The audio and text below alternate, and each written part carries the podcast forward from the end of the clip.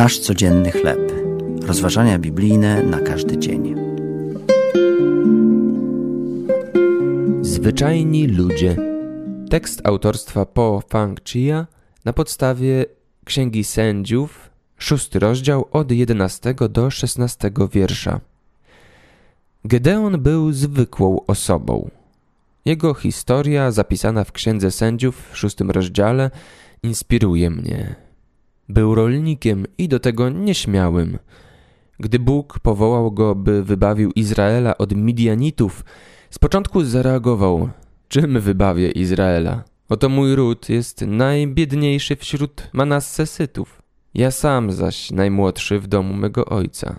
Bóg obiecał, że będzie z Gedeonem i że Gedeon będzie w stanie osiągnąć to, o co został poproszony.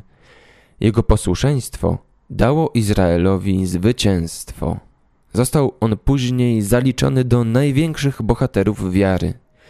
W przedsięwzięciu ratowania Izraela z rąk silnego wroga odegrało ważną rolę jeszcze wiele innych osób. By wygrać bitwę, Bóg dostarczył Gedeonowi 300 ludzi w postaci walecznych bohaterów. Nie znamy ich imion, ale ich odwaga i posłuszeństwo zostały odnotowane w Piśmie Świętym.